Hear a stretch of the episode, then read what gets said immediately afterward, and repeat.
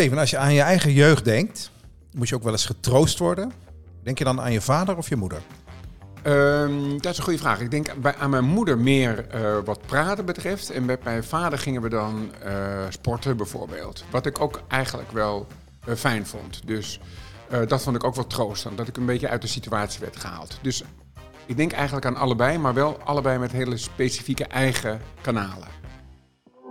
Je luistert naar de 018 Bennis en Podcast.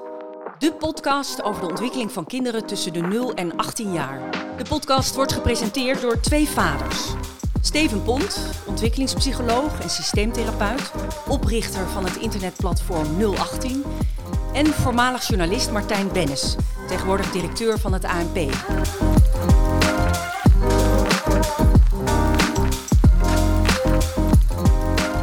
En heb jij nog uh, een quote gevonden rond verdriet en troost? Nou, als je gaat zoeken op het woord troost, krijg je heel veel filosofie. Ja. En uiteindelijk kwam ik op een, een quote van mijn eigen moeder, maar niet alleen van mijn eigen moeder, maar van heel veel moeders en vaders over de hele wereld, denk ik.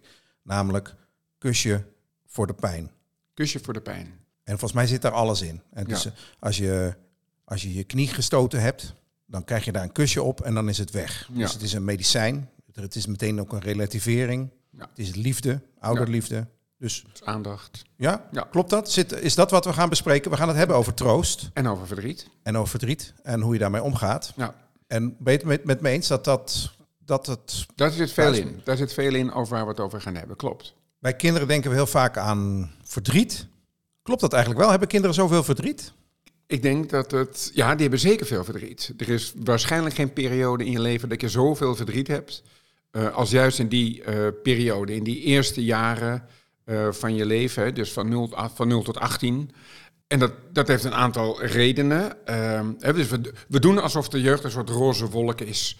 Hè, waarin, en dat is eigenlijk alleen maar omdat we er op die manier op terugkijken. Terwijl er is geen periode in je leven dat je zoveel pijn hebt, bijvoorbeeld. Fysieke pijn, omdat je valt. Of eh, dat je dingen niet snapt. Of dat je overheerst wordt door andere mensen, omdat die het zogenaamd beter weten in jouw idee dan jij. Dus het is best een heftige eh, periode. Ook, ook doorspekt met heel veel liefde.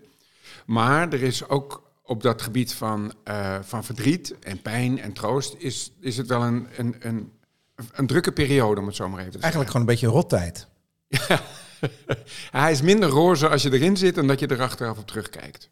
Ja, maar je hebt inderdaad, je moet zoveel, zoveel leren en er gaat zoveel mis. Ja. En je snapt zo weinig. Juist. Ik, eigenlijk kan ik me nog een beetje herinneren zelfs van de onmacht die je kan Ja. voelen als klein kind. Ja, ja. Nee, dat klopt. Dus de, en, en, en er is nog iets anders, dus je be- begrijpt dingen niet. Maar eh, kinderen doen ook nog iets anders. Dat alles wat ze niet begrijpen, dat vullen ze aan met hun, met hun fantasie. En ehm, er is een eh, beroemde socioloog, eigenlijk met, samen met zijn vrouw, William Dorothy Thomas heette die. Of hij heette dan William en zij heette uiteraard Dorothy. En die zei, ik heb, als ik het even vertaal, dus als de mens een situatie als echt definieert, hè, dus hij, dit is voor diegene werkelijk waar, dan zijn de consequenties daarvan ook werkelijk waar. Dus om dat even naar de kinderwereld te trekken, dus als jij werkelijk gelooft dat spoken bestaan, dan is je angst voor spoken een werkelijke angst. Dus dan kan je wel denken, ja, mijn kind is bang voor spoken.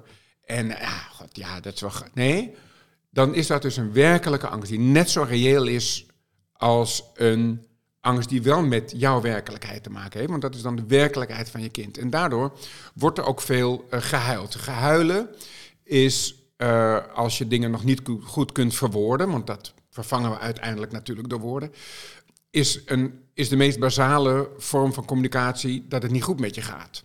Nou, en daarom wordt er door kinderen veel gehuild.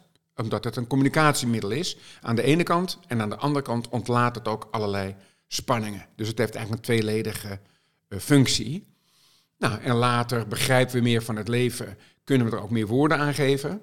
Maar eh, als dat nog niet zo is, ja, dan ligt huilen dicht aan de oppervlakte. Ja, dus onze kinderen hebben, hebben onze liefde nodig om, om die moeilijke periode een beetje door te komen. Ja.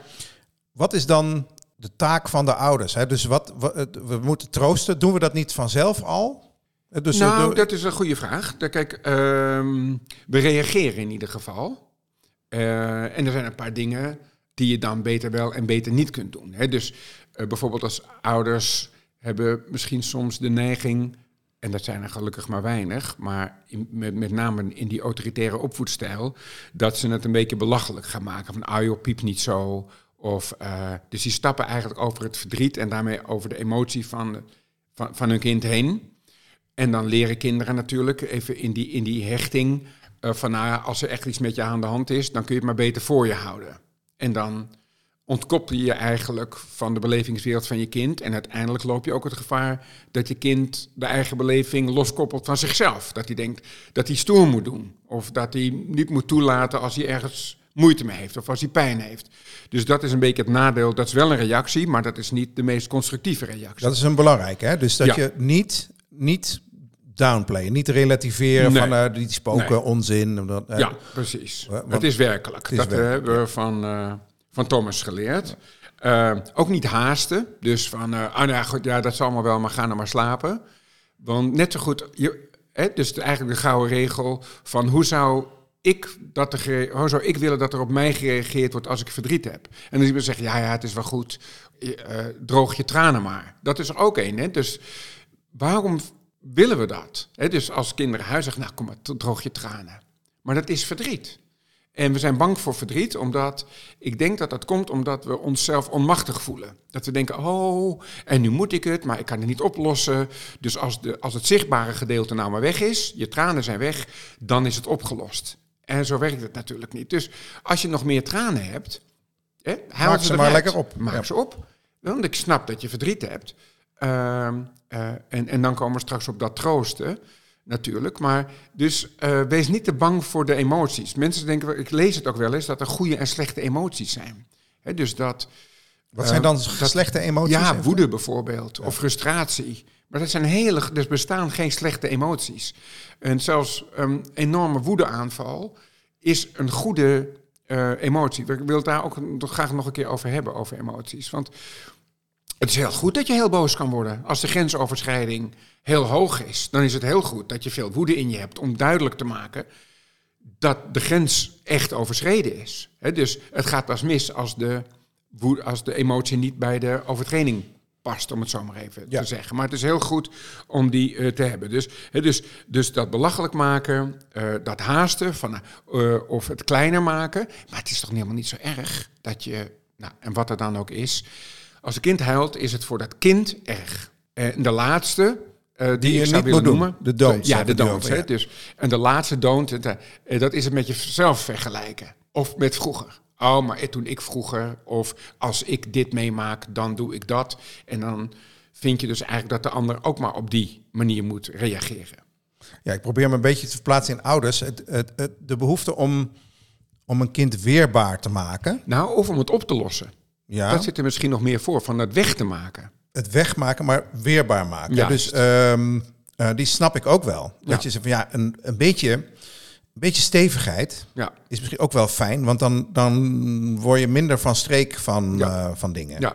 Nou ja, en daarom toen jij hem net vroeg over eh, toen ik zelf jong was, vind ik dat eigenlijk wel een mooie combinatie. Dus ja, er is iets, er is aandacht voor, wat meer mijn moeders kant was.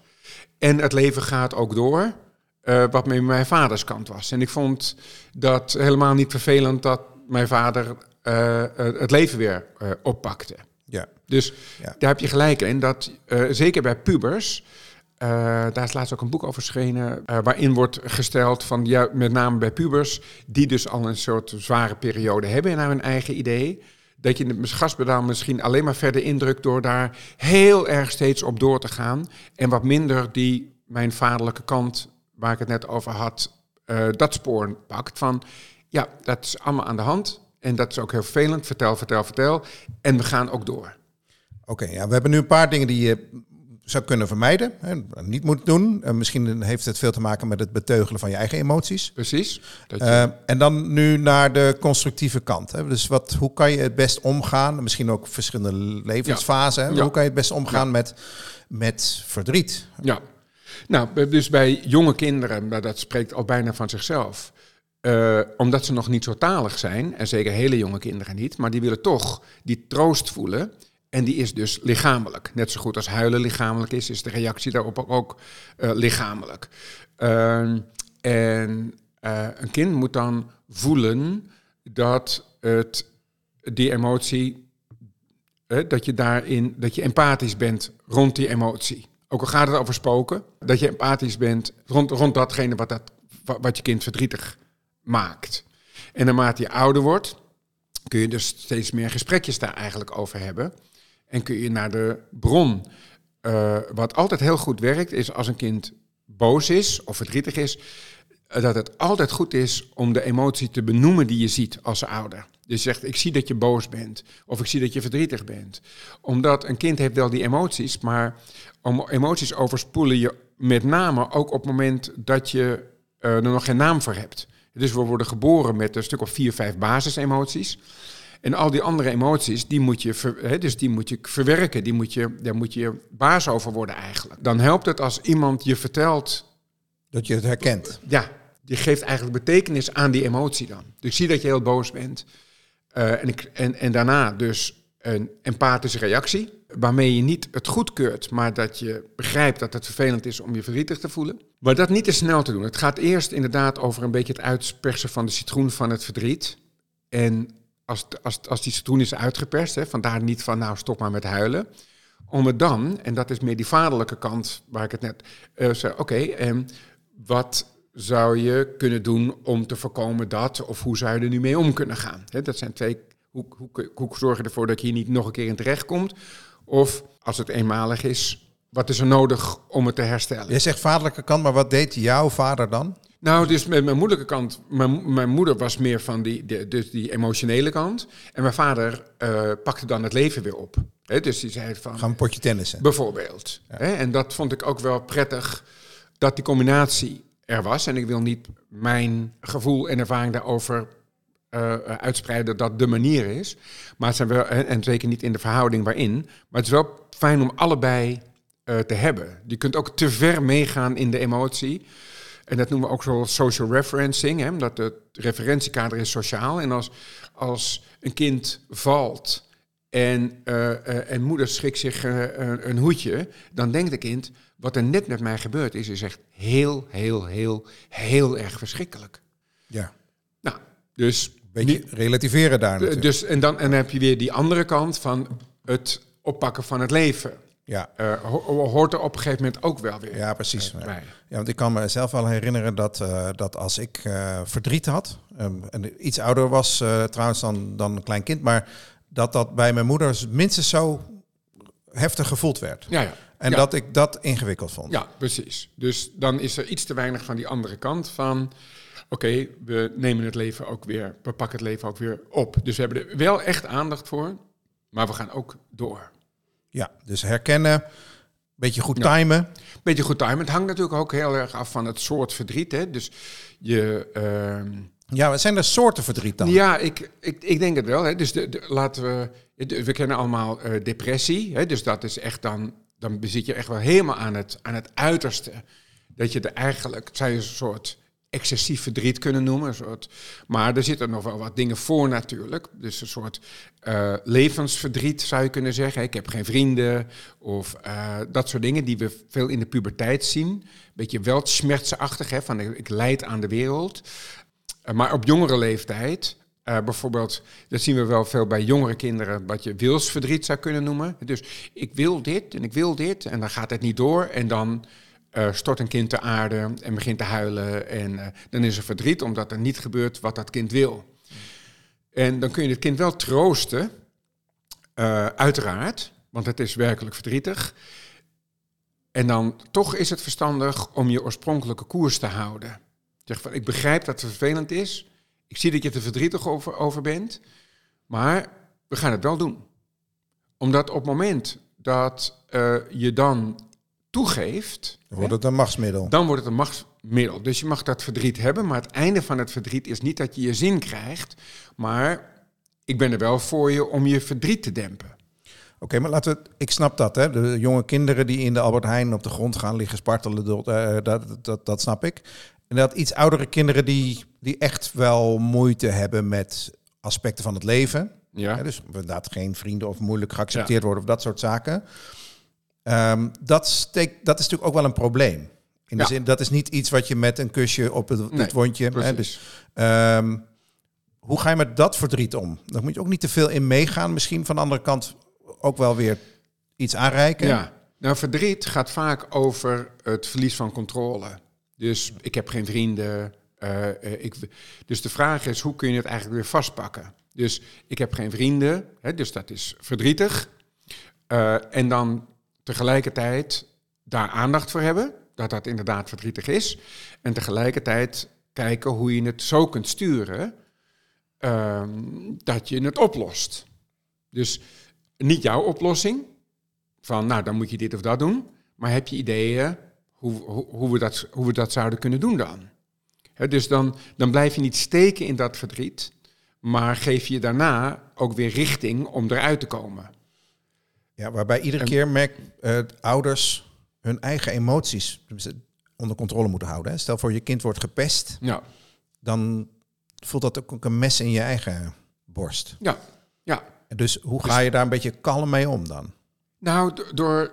Kijk, pesten, dat is, dat is echt. eh, het voert wat te ver om, hier, om, om dat hier even langs te laten komen. Maar inderdaad, als er heftige emoties zijn, om zelfs dan, om uiteindelijk is het doel wel om het leven weer vast te pakken. Dus het, het, het verdriet kan niet de reden zijn om eh, niet daarna eh, weer het stuur te zoeken van je eigen bestaan. Begrijp je een beetje wat ik wat Nou, ik je bedoelt bedoel? dat je er niet in moet verzuipen.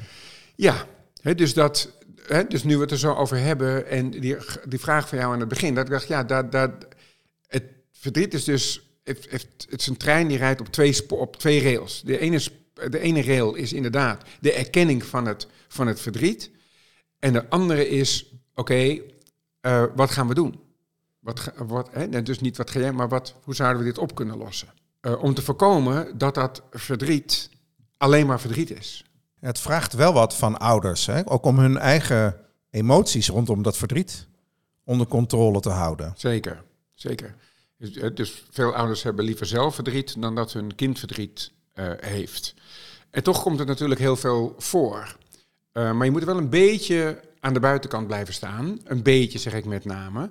Omdat als stel je gaat meehuilen of je gaat, dan kan een kind het idee hebben: jeetje, nou moet ik mijn moeder ook nog troosten. Ja. Dus je kunt wel zeggen dat het je verdrietig maakt of dat je ervan schrikt. Of, hè, dus je verwoordt je emoties wat anders dan dat je hem alleen maar uit.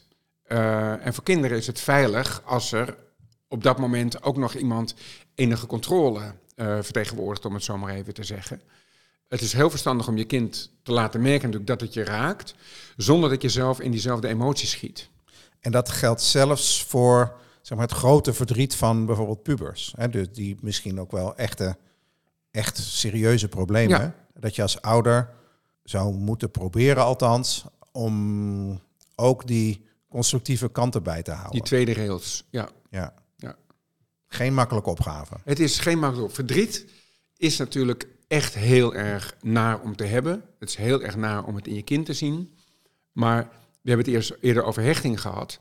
En de hechtingsmeter gaat wel een beetje lopen. Hè, dus hoe veilig je als ouder bent, hoe er met verdriet wordt omgegaan. Want het is een, de eerste en een hele diep liggende, maar ook een hele goede, maar ook een hele diep liggende emotie.